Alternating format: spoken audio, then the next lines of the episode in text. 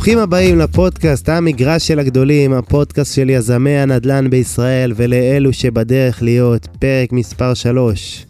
אני יותם בר, בן 30, מהנדס בניין, יזם נדל"ן בתחילת הדרך. תמיד הרגשתי שיש בי את היצר הזה ליזמות, תמיד הרגשתי שהלב שלי הוא בנדל"ן. מאז שאני זוכר את עצמי הרמתי את הראש למעלה והסתכלתי על בניינים יפים. על אתרי בנייה ועל יכולת להפוך ישן לחדש. תמיד הרגשתי קצת משוגע, קצת מגזים, תמיד בער בי ליצור יש מאין, להרים פרויקטים חדשים וגם את הפודקאסט הזה. נשוי ליובל המדהימה, מגדל שני כלבים ששלושתם עם כל החיים שלי כרגע, ואוהד הפועל פתח תקווה, חשוב מאוד לציין. אה, לצידי שי ביבס הגדול. אה, אני שי, בן 30, אה, בבוקר אנליסט בחברת הייטק, בערב עושה את yNow, קהילה להתפתחות אישית וכלכלית, הרבה מאוד uh, תוכן על uh, השקעות, נדל"ן, התפתחות אישית, כלכלית, עניינים, וזהו. Uh, לפני אולי שש שנים, אני בן 24, הלכתי לסדנת נדל"ן אצל אביב אוחנה, מי שמכיר, מכיר, כמו הבעלים של מכללת פרקטיקה לנדל"ן, תותח על. בסדנה היינו שם איזה בערך 30 איש, ישבנו בכיתה, הוא סיפר לנו על נדל"ן, על האפשרויות המטורפות שיש בעולם הזה, על המכללה ועל העבר שלו. ובסוף הסדנה, הוא סיפר לנו גם על איזה שני אחים, אה, למדו אצלו במכללה. מיד אחרי שסיימו שירות קבע בשייטת 13, הספיקו לעשות גם כמה עסקאות פליפ והרימו איזה שכונה בנתיבות. מרשים, לא? לאחר שנתיים אני ככה סטודנט להנדסה, עובד כמאבטח, מרוויח 4,000 שקל, אבל החלטתי שאני קונה את הדירה הראשונה שלי, ומפה לשם מצאתי את עצמי ככה קורא באינטרנט. כן. Okay. על מתחם חדש לסטודנטים בקריית שמונה, פרויקט B, עם אפשרות לקנות בו דירה עם הון עצמי נמוך יחסית. מה זה נמוך? 120 אלף שקל אני חושב שזה היה שם, וזה בדיוק התאים לי כי היה לי פחות מ-30 אלף שקל בבר בשער. אז, אה, אז אמרתי, אני קופץ למים, הלאה בבאללה, הגעתי למשרדים לשמוע על הדירה, סיפרו לי שהיזמים הם, אה, הם, הם האחים ברזילי. אה, יוצא שייטת וזה, דברים התחילו להתחבר לי בראש, והיום יש לנו אורח מיוחד מאוד, יזם נדל"ן מהתותחים בארץ לדעתי. אני כבר אה, עוקב אחריו ואחרי עידו, אחיו, כמה שנים. אה, הרימו ביחד 30 יחידות דיור בעפולה, תקן אותי אם אני טועה במספרים, ארבעה בניינים. בעפולה זה היה 300. 300, וואו. איזה אפס קטן ככה, אתה יודע, לא, דירה לפה, דירה לשם, לא... הם מוציאים מהאינטרנט, ארבעה בניינים של 152 אה, יחידות דיור בנתיבות, כן. פגעתי. עוד פרויקט 218 יחידות בשכונת השחר בדימונה, ואת מתחם ה-co-living המפורסם והחדשני וה... אה, מטורף. כאילו זה, זה משהו שהוא ראשוני מאוד בארץ ו- וחלוצי מאוד. קיצור, נדב ברזילי, בן כמה אתה מטורף, איך ומתי הספקת לעשות את זה? איפה תלך, אח שלי? אני בן 37, נשוי לירדן ואבא לדרור וכרמל, תאומים בני 6. אה, שכחת בפרויקטים עוד אה, שני פרויקטים בדימונה למגורים, 117 אה, ועוד 70 יחידות ועוד מרכז מסחרי בדימונה ועוד פרויקט וואו. שאנחנו הולכים להרוס בניין בנמיר 125 בתל אביב ולבנות 33 אה, דירות חדשות באותו מקום. וואו. אה, גם פה פספסת בקטנה, דירה לפה, דירה לשם, לא... פספסתי, כן, זה נתונים שאני מכיר מהיותי משקיע בפרויקטים שלו. כן, אז אנחנו... מטורף, מטורף. בוא נתחיל מההתחלה. גדלת באשדוד? כן, אז אנחנו גדלנו באשדוד. התגייסתי ב-2004 לשייטת, אה, השתחררתי בסוף 2010, עידו אה, התגייס ב-2006 גם לשייטת והשתחרר גם בסוף 2010, אני נשארתי עוד קצת, הייתי קצין. ואחרי השחרור באמת הלכנו לאביב אוחנה לקורס שלימד אותנו דברים בסיסיים בנדל"ן. עידו היה בקורס לפניי, אני טסתי אה, לטיול אחרי צבא וחזרתי, ואז כשחזרתי מהטיול הוא אומר לי, טוב, אני למדתי בקורס אצל אביב אה, איך, איך צריך אה, לקנות דירה ולמכור אותה. אנחנו הולכים תוך חודש לקנות דירה. אני אומר לו, מה, מי, איפה, איזה כסף, מה אתה רוצה שנעשה? הוא אומר, בוא, בוא, אני אסביר לך את כל מה שלמדתי בקורס, אני אעבור איתך ונתחיל. ותוך כדי, כמובן, ישר נרשמתי בעצמי לקורס, סימנו את אזור שדרות כמקום שהוא מעניין, מחירים מאוד מאוד נמוכים. אני הייתי עם 300 אלף שקל, עידו בערך עם 250. על איזה שנה אנחנו מדברים? סוף 2000, זה, זה כבר תחילת 2011. Mm-hmm. הבנו שעם הכסף שלנו, לא ידענו מה זה משכנתה, הבנו שעם הכסף שלנו נוכל לקנות שם דירה. ובאמת אה, הלכנו ועשינו סקר שוק, ראינו בערך 100 דירות שהיו שם למכירה. וואו. הבנו שזה מעניין אותנו כי בדיוק סללו לשם את הרכבת, מהמם. ויש שם את מכללת ספיר, אז אמרנו גם רכבת, גם סטודנטים, נראה לנו מקום שיש לו פוטנציאל. המחירים שם היו מאוד זולים, אחרי סקר שוק שעברנו איזה 100 דירות, מצאנו את העסקה הכי שווה מבחינתנו, שזה היה שתי דירות ב-500 אלף שקל ביחד, מהמם. שתי הדירות. ביחד. וואו. מחיר, מה זה? כן, זה עם גרושים. אה, חשבנו שנמכור אותם די מהר ב-650. הפנטזיה הזאת אה, לא הצליחה להתממש והתחלנו להוריד מחיר ולהוריד מחיר, המטרה הייתה לעשות פליפ מהיר. אה, בעצם לקחנו אופציה, אפילו זה לא היה קנייה. ואחרי שלושה חודשים שאנחנו חושבים, אה, לא 650, אז נראית ל-590, 580, 570, בסוף גמרנו את העסקה ב-540. אה, אחרי שלושה חודשים, תורידו דלק, פרסום, עניינים, נשאר לשנינו ביחד 15 אלף שקל. מדהים. ותשאלו אם היה שווה, אז כן, קודם כל, וואלה. בנדל"ן הכי חשוב זה להתחיל, לקפוץ למים. אני בדיוק. חושב שכל עוד לא מפסידים, כי זה עושה גבייה, גם אם מרוויחים קצת או מרוויחים הרבה, זה לא ממש משנה, העיקר להתחיל ולהיכנס לגלגל. דבר איתי על הבית שלך ושל עידו, איזה בית גדלתם? גדלנו בבית שמדברים אה, הרבה על נדל"ן, סבתא שלנו עלתה אחרי השואה מהונגריה, והייתה המתווכת הראשונה בתל אביב, בתור אה, וואו. אישה. אה, היו פה סך הכל חמישה מתווכים בעיר הזאת, וואו. 1950. אחוזת בית אולי, לא? שזה עדיין לא.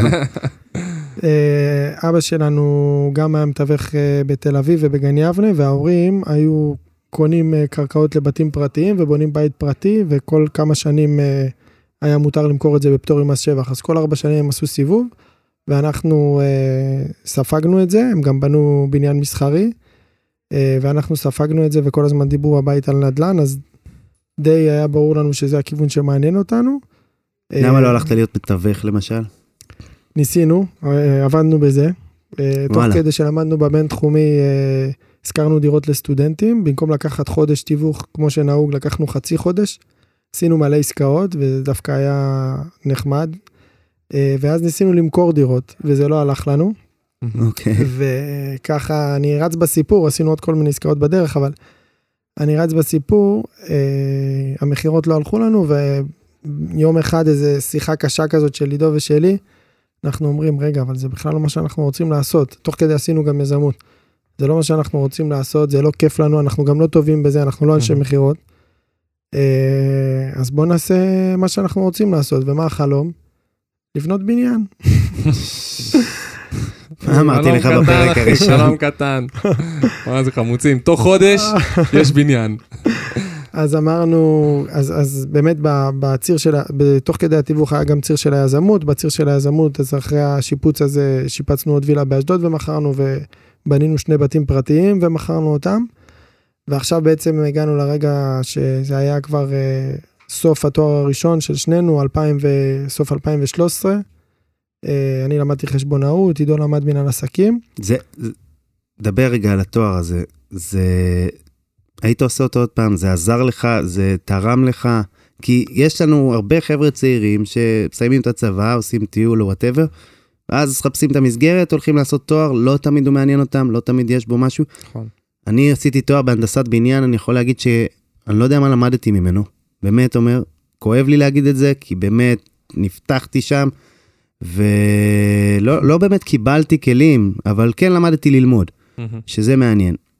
אז אנחנו למדנו בבינתחומי, אה, היה לנו את המלגות אה, גם מהבינתחומי, גם מהשייטת. אה, אני חושב שמי שיכול, צריך מאוד מאוד להתאמץ ולהגיע למוסד הזה אם הוא מתכוון להיות עצמאי. זה המוסד הכי טוב לבן אדם שהולך להיות עצמאי ולא שכיר לדעתי, כי שמים שם דגש על קשרים. כל המהות של המקום הזה זה אה, ללמד אותך ליצור קשרים, ועם הקשרים האלה זה דברים שמאוד מאוד עזרו לנו ועד היום עוזרים לנו ביזמות.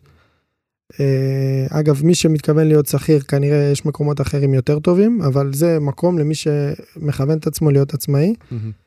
אה, בשנה הראשונה בבינתחומי הבנו שאנחנו רוצים ללמוד על נדל"ן ולא היה איך. אז הקמנו את מועדון הנדל"ן. וואו, בעצם כל חודש היינו מביאים מרצה אורח בחינם לסטודנטים כדי ללמד את כולם על נדל"ן. וכמו שאתם עושים פה, זה בעצם גם היה בשבילנו אמצעי להיפגש עם יזמים. כן. בדיוק. ובעסקה הראשונה, תכף נגיע אליה בעפולה, בעצם קנינו את הקרקע ולא היה לנו כסף להשלים את העסקה.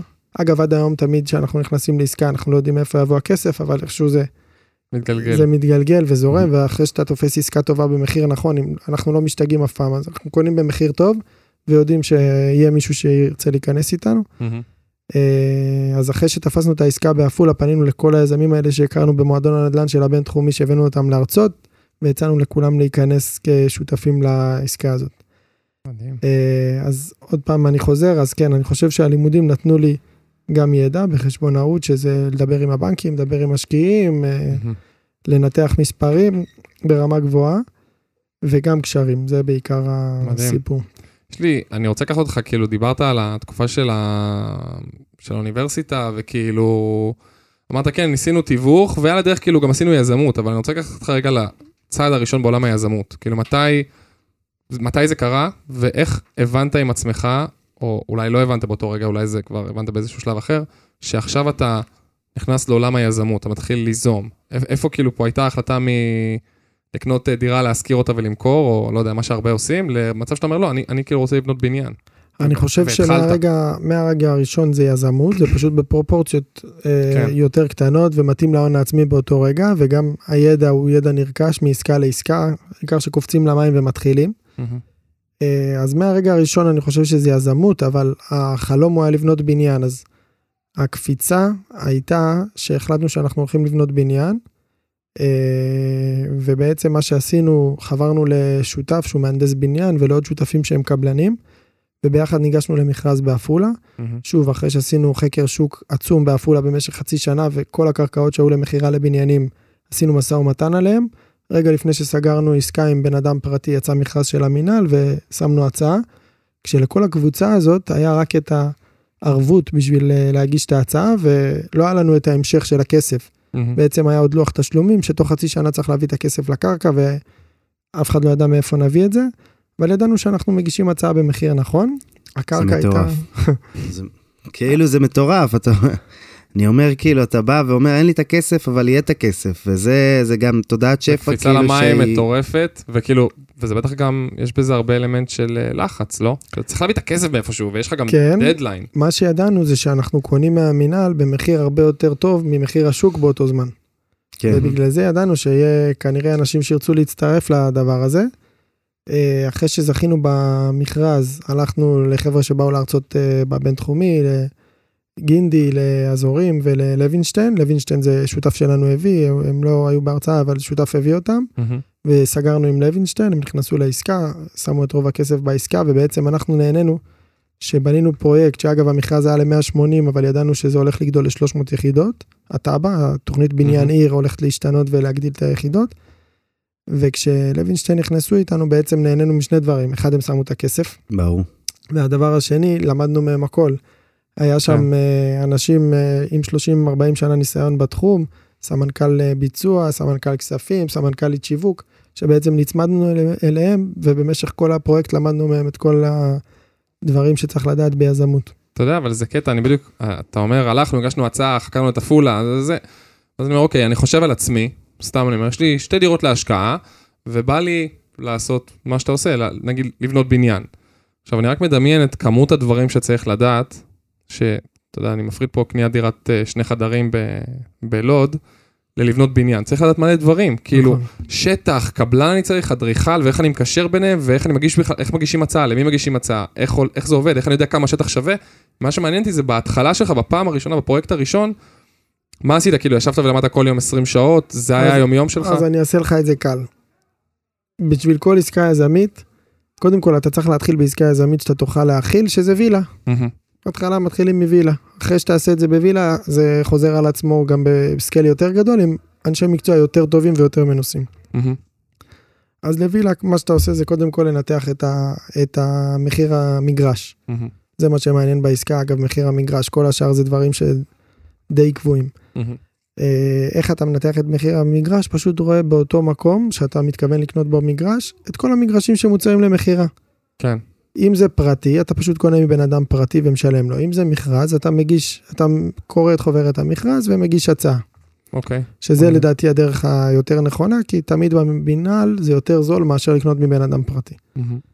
הגשת הצעה, זכית בקרקע, ואז אתה לוקח מפקח, אתה לא אמור לדעת כלום עדיין בשלב הזה, אתה רק אמור לדעת בשלב הראשון שמחיר הקרקע הוא מחיר טוב, שאתה קונה במחיר מתחת למחיר השוק, זה מה שמעניין אתה אותך. יכול לעשות את זה כבן אדם פרטי, כאילו אם כן. עכשיו אני שי בא לי לקנות שטח, כן. פשוט יכול להיכנס לאיזה אתר ולהגיש הצעה ופשוט רשות מקרקעי אתה ישראל, כן, מכרזי, מקרקעין, מסתכל אה, על האזור, לפני שאתה מגיש את ההצעה אתה לומד אה, כדי לדעת מה מחיר הקרקע הנכון שתגיש. קרקע לווילה, מגיש, אם זכית. עד, עכשיו בשביל אה, לקנות את הקרקע אתה רק צריך לדעת שקנית קרקע במחיר נכון. כן. השלב הבא זה לבנות, אתה לא אמור לדעת לבנות, אתה יזם. נביא קבלן. עוד לא, אתה אפילו לא מביא קבלן, אתה מביא מפקח. שהוא מהנדס בניין, שהוא עוזר לך למצוא את היועצים, שזה אדריכל, קונסטרוקטור, אינסטלציה, חשמל, קרקע, יש מלא יועצים שאתה צריך לקחת לפרויקט, הוא יעזור לך בזה, וככה גם אנחנו עשינו. ואחר כך, אחרי שמסיימים את התכנון, הוא מוציא מכרז קבלנים ומביא קבלן.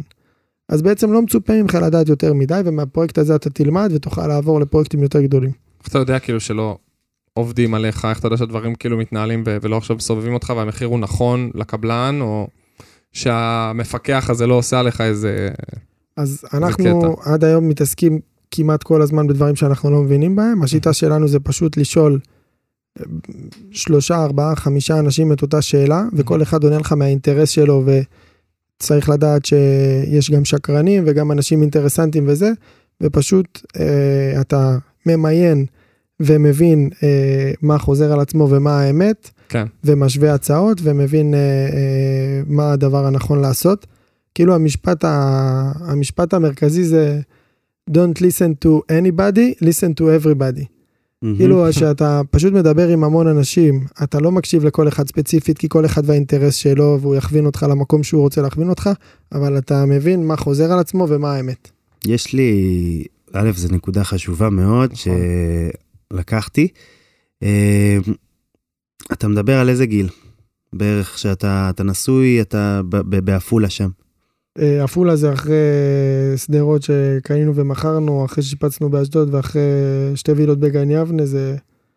אה, אז לפני, לפני העסקה 27, הראשונה, העס- 27. העסקה הראשונה, בסוף מישהו צריך להכניס משכורת הביתה, אתה מבין? בסוף, התחתנתי אגב אחרי עפולה, אה, לשאלתך. בסוף אתה צריך להכניס משכורת. עכשיו אני, יש כל מיני כאלה שנמצאים במצב שהם שכירים ורוצים להיות איזה מנדל"ן ורוצים לקפוץ למים ולהתחיל לעשות עסקאות, אבל בסוף הכסף מגיע אחרי שנתיים, שלוש, תלוי כמה בגודל העסקה ואיך אתה עושה. בסוף צריך תזרים. איך נכון. יזם מתמודד עם זה שכרגע בהתחלה אין לו תזרים? אז אתה יכול לעבוד בתחום הנדל"ן במשהו אחר, כדי לייצר תזרים, תיווך, הנדסת בניין, אה, ייעוץ, אה, משכנתאות, או לא יודע מה, כל דבר בתחום שנותן לך גם ידע וגם כסף, כי אתה לא רוצה ל- להכניס כסף מתחום אחר, שכל השעות שלך אתה תשקיע בידע של דברים אחרים, אם, אם זה מה שמעניין מהמם. אותך. אה, ובתור יזם, בליווי בנקאי, שזה בפרויקטים יותר גדולים, הבנק נותן לך בעצם משכורת. יש סכום שהוא מוקצה לתקורות תקורות וואו. פרויקט, וזה בעצם המשכורת שלך עד הרווח שהוא מגיע אחרי ששחררת את כל הדירות ו, אה, והחזרת לבנק את הכסף, ורק אז אתה רואה את הרווח. אז מעניין. הרווח מגיע אחרי חמש עד שבע שנים, אבל בדרך אתה בעצם אה, הבנק מקבל נותן לך משכורת. כן. הבנתי, מגניב. אה, א', טוב לדעת. עוד פעם, הרבה רוצים להיות יזמי נדל"ן, כאילו, לא הרבה, כמה שצריך, מי כמה שמאזין. שרוצים, מי שמאזין, מי שרוצה. יזם נדל"ן זה נשמע סקסי, זה, יש בזה כסף מן הסתם והכל. מה, מה זה יזם נדל"ן? מה הוא עושה בעצם? ספר לי את השגרה שלך, אם יש בכלל שגרה, אם אפשר לקרוא לזה שגרה. קמת בבוקר ומה קורה? אז ככה, אה, קודם כל זה נשמע טוב, אבל צריך לדעת שבתחילת הדרך יש הרבה מאוד קטעים משעממים. כי למצוא עסקה זה דבר סיזיפי וקשה וצריך להשוות אה, הרבה מאוד עסקאות עד שאתה מקבל החלטה כדי לא לטעות. והדבר השני זה שזה מפחיד, כי אתה לא רוצה לעשות טעויות. אה, וגם אתה נמצא בתחום שיש בו הרבה מאוד נוכלים. זה תחום, אה, אתה אמרת שאתה עובד בהייטק, אז זה לא הייטק. זה תחום שאני חושב שיש בו 90 אחוז אה, נוכלים, מה אתה אומר? וכל הזמן צריך לנווט. בזהירות בין, בין... תשמע, זה מפחיד. אתה כל הזמן כזה כבדהו וחשדהו כזה. כל. בן אדם וואו. אני בא. מתחום הבניין וזה לדעתי יותר גרוע. כן, אני מחשיב גם את הביצוע בתוך הענף. זה... תקשיבו, זה מטורף, חבר'ה. כן, כאילו, זה לא מה הייטק. הלו"ז? זה- מה הלו"ז? עם יום זה, שאני מ- זה לא... מאוד מאוד קשה, וכל, ובגלל זה אני אומר שכל הזמן צריך להשוות תשובות, כי כל אחד שזורק לך משהו, אתה גם מכיר את זה מהביצוע, אתה צריך לבדוק מה. האמת, מטורף. ולוודא שעושים את מה שאתה אומר, אם זה בביצוע. אה, זה קורה לא מעט, זה לא... איזה, איזה אתגרים אתה מתמודד כיזם ביום-יום, כאילו... תספר לי על האתגרים עצמם. אז זה מתחיל מאיתור הקרקע, שזה מאוד מאוד קשה לאתר היום עסקה במחיר נכון, כי בישראל אין היצע ויש הרבה ביקוש, אז זה האתגר הראשון.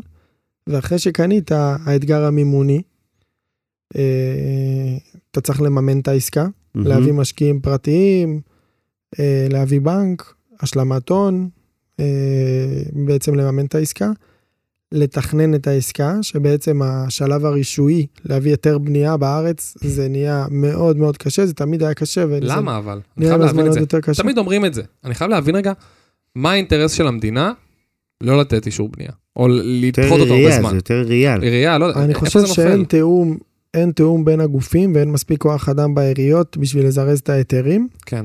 ובעצם הצ'קליסט שאתה צריך לעבור בדרך להיתר הוא אינסופי.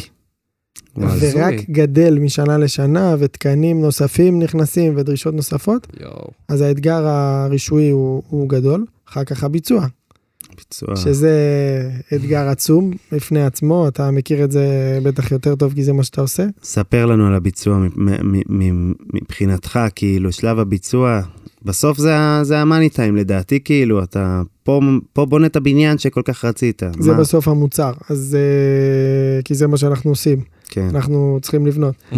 אה, אז אה, בביצוע בעצם השלב הראשון זה להביא מפקח טוב ולהביא קבלנים טובים. אה, עד היום בעצם אה, אה, ניהלנו את הביצוע קצת יותר מרחוק, שהבאנו מפקח והבאנו קבלן ראשי. בקריית שמונה אה, נכנסנו לזה הרבה יותר לעומק ופירקנו את זה לקבלני משנה אה, עד רמת הרצף. זה רמה ש... כאילו... קשה. זה לעשות כן. את זה, לבוא, לנהל קבלני ביצוע, וכמו שאתה אומר, העולם הזה לא עכשיו אה, כולם אה, מפונפנים וסבבה. לגמרי. הרבה לגמרי. שקרנים, הרבה ריבים, הרבה... הכל בלחץ, אוכלוסיות לא כאלה נעימות. איך, איך הכניסה שלכם לעולם הביצוע? ספר לי רגע על ה... אה, זה, זה פשוט אה, לא לישון בלילה במשך שנה, בשנה האחרונה לא ישנו בלילה. כדי להרים את הבניין הזה, זה היה בניין שקפצנו למים העמוקים והרמנו 17 אלף מטר, שזה הבניין הכי מורכב בישראל היום, עם 1,500 מטר חיילים משותפים וגגות ודברים אה, טכנולוגיים סופר מורכבים בתוך הבניין, ומסחר ומשרדים וחניון אה, וואו. וריהוט מלא, זה בעצם מלון וווי וורק ועוד הרבה מאוד דברים ביחד בתוך בניין אחד, ואת זה בעצם בנינו אה, לבד. סופר מאתגר וסופר מלמד. כן, ואני בטוח שהפעם השנייה כבר תהיה, לא יודע אם הרבה יותר קלה, אבל יותר קלה. כן, כן, לומד לומדים, לומדים המון, אה, ואני חושב שכל דבר ביזמות זה, זה לאט לאט זה ככה. זה, אתה נכנס למשהו שאתה לא מבין, שואל שאלות, משווה, לומד, מקבל החלטות ומתקדם. מדהים. מעניין אותי לשמוע על כישלון שהיה לך, ומה למדת ממנו. כאילו, אם היה לך איזה פעם שנכשלת, כי אתה יודע, אני מדמיין, כאילו פתאום סיפרת על זה שניצ... שניצחתם. שזכיתם באיזה, אה, באיזה מכרז, והיה לכם חצי שנה לגייס את הכסף. ובטח זה קורה בהרבה פרויקטים. אה, היה פעם שהגעת לדדליין וראית פתאום שאין כסף ונלחצת או נכשלת במשהו אחר, שאתה אומר, וואו, כאילו, כן. ואיך קמת מזה? כן, היה לנו אה, פעם שבמשך חצי שנה התכוננו למכרז, ושמחנו על שותפים שהכרנו, לא עשינו איתם שום דבר בכתב, שזה הלקח אה, המרכזי, כל דבר בעסקים ובנדל"ן בעיקר, הכל הכל הכל בכתב. מהמם. אחרי שזכינו במכרז, אנחנו באים לשותפים יום אחרי, אה, וכמובן כל מי שהתחרה שם, אה, כל החברות שהתחרו ידעו שעידו ואני אה, שמנו הצעה דרך השותפים ופנו אלינו, והציעו לנו 4 מיליון שקל יותר על הקרקע. מהמם. ואמרנו להם שאנחנו נבדוק, התקשרנו לשותפים, סיפרנו להם, אמרו, אה, מעניין. אה, ואז אמרנו לאלה שהציעו, אה, הם היו מקום שני במכרז, אמרנו להם, אה, לא, אנחנו לא נמכור בסכום הזה, חזרו אלינו יום למחרת ואמרו, אז קחו חמישה מיליון נוספים על הקרקע, התקשרנו לשותפים, ומאז נותק הקשר איתם. איזה נבלות. אחרי וואו. שבוע אנחנו, כאילו, אנחנו מנסים להתקשר אליהם, לא עונים, זה, אחרי שבוע, מה, מה קורה? אה, לא, ההצעה היא על שמנו, היינו צריכים להגיש את זה על שמם, כי הם היו עם סיווג קבלני והדרישות של המכרז דרשו את זה. אה, מה, מה קורה? בואו בוא נחזיר תשובה, הציעו לנו חמישה מיליון יותר, הם אומרים לא, אתם לא איתנו בעסקה. העסקה היא על שמנו, פשוט הזיזו אתכם הצידה. יואו. כן. איך קיבלתם את זה? רע מאוד. רע מאוד, בעיקר שאתה יודע שעשית עסקה טובה והשוק מתמחר אותה בחמישה מיליון יותר ואתה יכול לעשות את זה בזמן קצר. אה, בעצם היה לנו אפשרות אה, לתבוע אותם, אה, כל מיני, כאילו ללכת בהליך משפטי, אבל החלטנו שאנחנו מתקדמים קדימה, ולמזלי זה היה דבר נכון. אה, העסקה הזאת. הם נשארו בעסקה והעסקה הזאת הסתבכה והם הסתבכו ואנחנו למזלנו התקדמנו הלאה לדברים טובים. אשכרה. אה, אבל אם יצאנו מזה עם לקח וזה משהו שכולם צריכים לדעת, כל מי שמאזין, זה בעסקים, הכל בכתב, ובנדל"ן עוד יותר להקפיד על זה. הכל הכל הכל בכתב, מתועד, חתום. משהו שקל, קל, אתה אומר, בטח, ברור, ברור, אבל בסוף שאתה יושב עם בן אדם ואתה סוגר איתו משהו, אתה אומר, טוב, וואלה, אחלה גבר, כאילו, מה עכשיו אני אוציא לו דף ואחתים אותו ואביא לו עורך דין? יש לך וייבים טובים, יאללה, תן- בואנה, הוא... תלחץ יד. כן, אז, בואנה, אז איזה אנחנו כיף. אחרי שנכווינו כמה פעמים, אה, בגלל שלא כתבנו והאמנו באנשים, אה, זה הלקח שלנו, הכל בכתב, אפילו, אפילו זה טוב ברמת התיאום ציפיות. כן. בוא נכתוב מה כל צד הבין, אולי הוא הבין אחרת ממני, אז בוא נכתוב את זה ונחתום. מעולה. תכלס. בוא נדבר על פחדים. תספר לי רגע על פחד מתישהו בקריירה, באמת, משהו גדול, משהו ש... ש... שעצר אותך, לפחות זמנית אולי. אה, יש הרבה, כל יום אתה אומר. יש הרבה. אה, סתם דוגמה בתל חי, בפרויקט של המגורי סטודנטים, אנחנו החלטנו שאנחנו מקדימים בשנה את המסירה לבעלי הדירות. חתמנו שעוד שנה אמורים לקבל את הדירות, והחלטנו שאנחנו מקדימים את זה בשנה. אה, והפחד מאותו רגע של ההחלטה היה איך עושים את זה. אה, על סמך מה קיבלתם את ההחלטה? החלטנו שחבל לבזבז שנה לבעלי הדירות ולנו, אנחנו גם נשארים שם נכסים, ואנחנו הולכים לעשות הכל כדי להקדים בשנה. אה, ומאז בעצם, זה הנקודה שהפסקנו לישון בלילה. הקבלן שהתחיל את הפרויקט כקבלן מפתח לא עמד בלוחות זמנים שהצבנו לעצמנו, והיינו צריכים להחליף אותו, ופשוט הכנסנו כוח אדם מטורף וקבלני משנה בכמויות מטורפות, והוספנו עוד מנוף כדי לעמוד ביעד הזה. וכל שזה- יום זה היה מרוץ שלא זו נגמר. הייתה החלטה נכונה, אבל להזיז קבלן שיש לו כנראה ניסיון והכל, ולהיכנס בעצמכם, שאולי יש לכם אינטרס הרבה יותר גדול לקדם את הפרויקט, אבל אין לכם את הידע לקדם אותו טוב, ובסוף זה סינכרון, אני מגיע מהעולם הזה, וככל שהקבלני משנה מסתנכרנים טוב יותר מול הלוז, ויש להם את הסחורה ונפתח להם עבודה, אז אה, מה אתה אומר, ההחלטה הזאת הייתה נכונה בסוף? בדיעבד, בתחקיר היום שאנחנו עושים, כי אנחנו מתחקרים כל דבר אצלנו, זה למדנו מהיחידה לתחקר אה, כל דבר שעושים. אה, בתחקיר היום ההחלטה להקדים בשנה לבעלי הדירות, אתה גם, אה, אפשר להגיד, אתה כן. קנית גם דירה בפרויקט, היא החלטה מוטית. כי יש חוזה, ובעלי הדירות מצפים רק שתעמוד בחוזה, לא מצפים שתפתיע אותם יותר מדי בדברים טובים. אה, אז, אז ההחלטה הזאת היא הייתה החלטה מוטית, טעינו. אה, בדיעבד היינו צריכים להיצמד לחוזה. אה, גם ככה בכל הפרויקט הזה, כאילו אין קשר בין המפרט שמכרנו לבין מה שנתנו, נתנו בכל דירה דברים בשווי, לדעתי של איזה 80 או 100 אלף שקל מעל המפרט, אז הגזמנו בהכל, ובדבר הזה של ההקדמת לוחות זמנים, לא היינו צריכים לעשות את זה. מטורף. תשמע, אבל זה, זה דווקא משהו שאני חושב שמפריד הרבה יזמים בכללי, יזמים מוצלחים מיזמים שהם פחות מוצלחים, שזה משהו ששמעתי לפני כמה זמן באיזה וובינר, שאמרו, אם אתה רוצה שימשיכו לבוא אליך, תמיד אתה צריך to over deliver, כאילו, תמיד לתת יותר ממה שמצפים. ואני חושב שגם בסוף, הבן אדם, הבן אדם שקנה ושם את מיטב כספו, גם יעריך את זה. אני חושב שזה אחד הדברים, עוד פעם, בתור לקוח, בתור, לא יודע איך תקרא לזה. להגיד שבתחום הביצוע זה. מאוד לא ככה, מאוד מאוד במינימליזם, מאוד לא ככה. כאילו. כן, אני בתחילת, כשנכנסתי לעולם הזה, כאילו, הרבה פעמים, בוא, יש שם כמה קרטונים, תפנה אותם, סבבה, מפנה אותם, פתאום כאילו לא משלמים לך על זה, אתה לא עושה את זה. זה, זה ההוראה ב, ב, בביצוע. שזה כאילו, אני אומר, למה אבל תעזור לבן אדם? אבל בא לך לעשות טוב, בא לך להיות יותר טוב ממה נכון, שמצפים. נכון.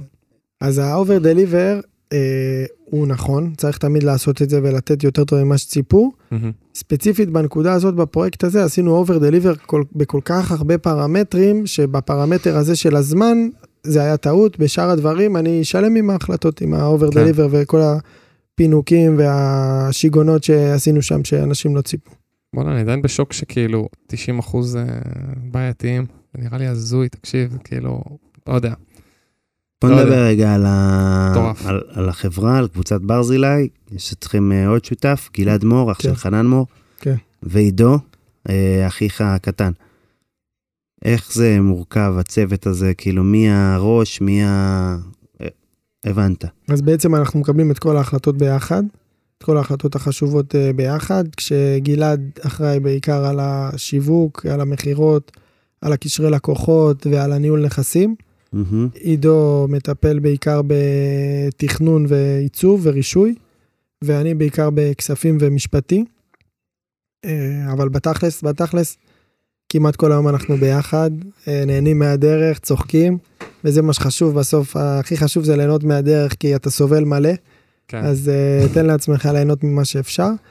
וגם אה, הגיוון הזה, ו- וששלושה אנשים כל היום כאילו מתווכחים או, או מעלים טענות על כל, כל דבר שצריך לקבל עליו החלטה, זה נותן לך הרבה מאוד, הרבה מאוד שכל והרבה מאוד אה, אה, גיוון דעות עד שמקבלים החלטה נכונה ששלושתנו שלמים איתה. Mastermind, מה שנקרא. לשבת ולקבל ערך אחד מהשני ולדחוף אחד את השני אה, כמה שיותר קדימה. מעניין אותי עכשיו, אתה יודע, אם, אם שומעים אותנו אנשים צעירים שיש להם איזה חלום להפוך ליזמי נדל"ן, לעשות דברים גדולים, לבנות בניין, לבנות שכונה, לא משנה, כל אחד ומה שהוא אוהב, איזה שלושה דברים היית אומר להם שהם צריכים לייצר לעצמם, או לעשות, או לבצע בתחילת הדרך, כדי להפוך ליזמי נדל"ן? מבחינת? מבחינת כאילו- מבחינת אה, אה, דבר, אה, דברים... mindset, אה, חוסן, פעולות ספציפיות שעשית, שאתה אומר, מי שרוצה להיות יזם נדל"ן או להתחיל את הדרך, צריך לעשות את זה. צריך אוקיי. לפתח את זה, צריך להיות מוקף בסביבה כזאת. אוקיי, אז זה שילוב של כמה דברים. בעצם הדבר הכי חשוב בנדל"ן, זה מה שיותם עשה וגם אתה עשית, זה פשוט לעשות. מהמם. דבר ראשון, צריך ללכת על הציר של העשייה. זה אומר לקנות דירה, לשפץ, למכור, או לקנות בפריסל, למכור בסוף, או לקנות קרקע ולבנות, לעשות, זה הדבר הכי למים. חשוב. בלי לקפוץ למים, כל התיאוריה, אתה יכול להיות שמאי עד גיל 80, מצוין. אבל אם אתה לא עושה תכלס, אתה לא תיכנס לתחום, ואתה גם, לאורך הזמן אתה תפסיד הרבה מאוד כסף, כי מי שעושה בהתחלה, כל עוד הוא לא טועה, לא קונה באיזה קבוצת רכישה מפוקפקת או, או דברים כן. כאלה. מי שעושה עסקה נדל"נית רגילה, אה, ומרוויח מעט או מרוויח הרבה, אבל העיקר שהוא אה, אה, בסדר, מרוויח, נכנס לתחום והוא יתגלגל והוא ישתפר. כן. הדבר השני זה קשרים. אה, בעצם אה, מה שאנחנו עשינו, הקמנו את מועדון הנדל"ן ואתם עושים פודקאסט וכל אחד אה, מייצר את הדרך שלו לקשרים, אבל כנסים.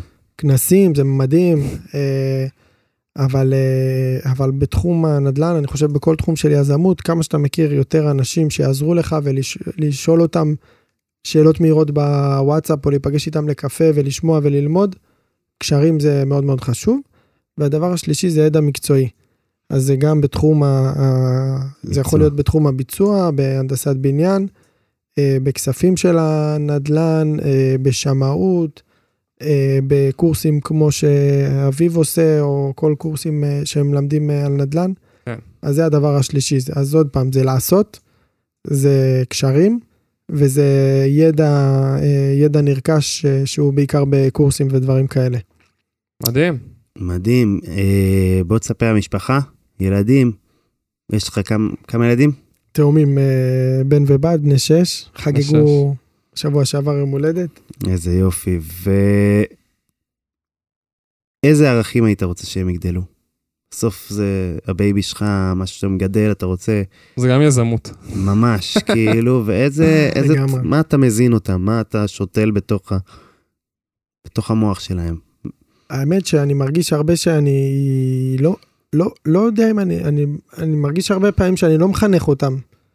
כאילו, גם אשתי וגם אני כל הזמן אומרים, אנחנו כאילו לא מחנכים אותם, אנחנו פשוט אמיתיים איתם.